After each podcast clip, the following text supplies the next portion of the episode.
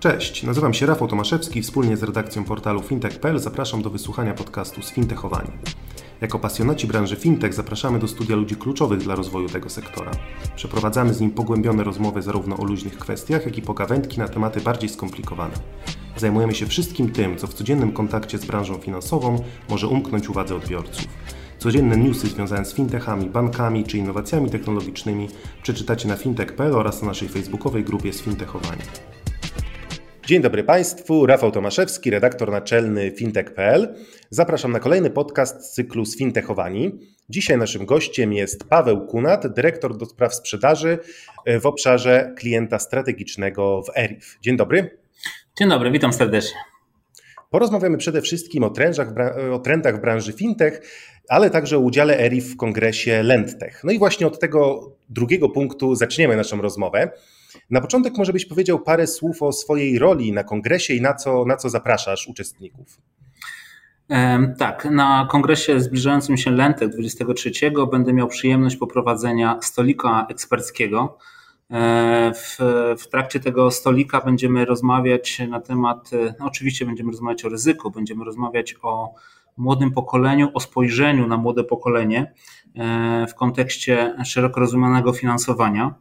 E, nie tylko w obszarze takiego tradycyjnego digital lendingu, ale także e, będę chciał tutaj poruszyć tematy związane z finansowaniem młodego konsumenta przez banki, ale także poruszymy temat związany z, z tak ostatnio modnym tematem e, finansowania kontekstowego, czyli BNPL-ami.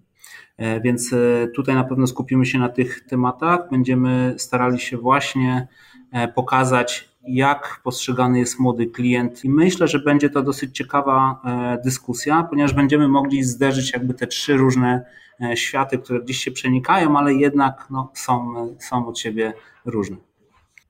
No właśnie, wspominałeś tutaj o temacie mm, młodych klientów i czy faktycznie wygląda to tak, że taki młody klient jest bardziej ryzykowny niż dojrzały konsument? E, odpowiem, to zależy. E, pytanie, kogo zapytasz o to?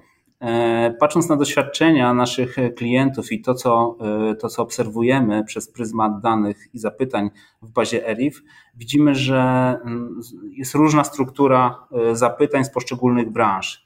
Inaczej o innego klienta pyta sektor lendingowy, o innego klienta inaczej wygląda struktura zapytań w obszarze bankowym, czy też w innych sektorach finansowania.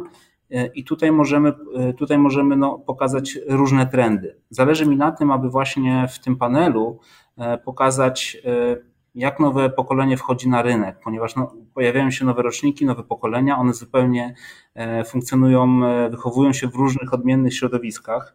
Nastąpiła gwałtowna digitalizacja usług, e, świat cyfrowy przyspieszył, e, zwłaszcza w kontekście pandemii, nabrał wysokiego tempa, jeśli chodzi o e, digitalizację procesów sprzedażowych i to wszystko jest właśnie widoczne w obszarze finansowania potrzeb tego młodego klienta.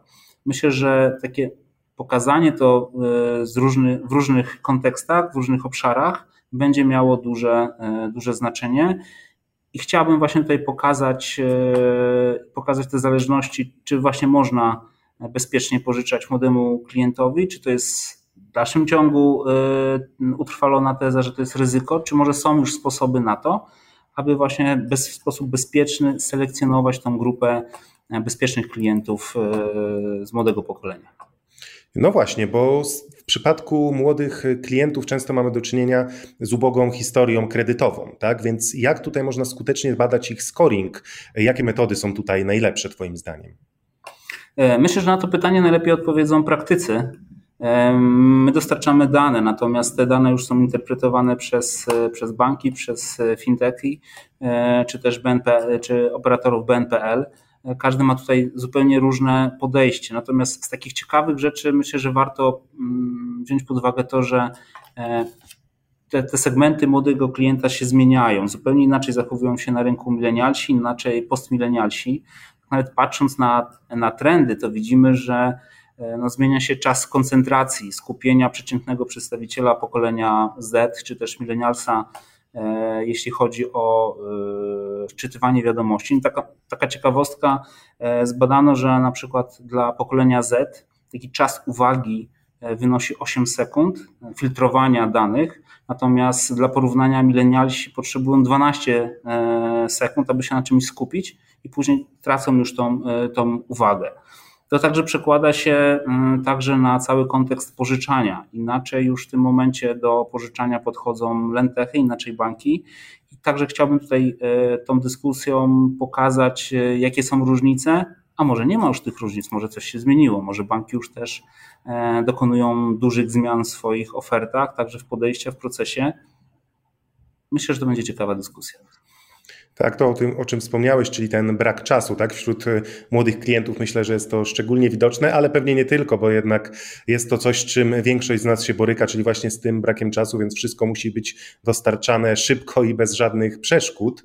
Ale wracając y, do, jeszcze do kongresu Lendtech, zapytam Cię też, na jakie najważniejsze pytania chciałbyś, żeby odpowiedzieli właśnie uczestnicy spotkania i o czym według Ciebie powinien dyskutować rynek, tak? czyli branża, branża fintech?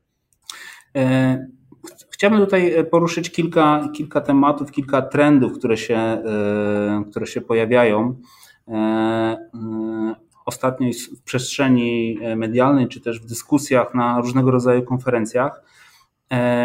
Bardzo często pojawiają się teraz oczywiście, pojawia się temat pożyczania kontekstowego, jakby ukrywania już, złożenie wniosku o finansowanie w BNPL-u, to już nie jest taki wniosek jak e, o pożyczkę w banku. To się bardzo mocno zmieniło. To finansowanie jakby stoi za produktem, pożyczanie kontekstowe e, pozwala na to, żeby ten proces był krótszy, bardziej, bardziej wygodny dla konsumenta i tak naprawdę mamy już przykłady na rynku, że takie procesy są praktycznie prawie niewidoczne dla konsumenta, to sprawia, że ten konsument chętniej dokonuje zakupów, zupełnie zmieniają się jego e, zmienia się jego podejście do, do ryzyka zaciągnięcia jakiegoś zobowiązania i o tym także chciałbym porozmawiać e, w kontekście e, Lentechu.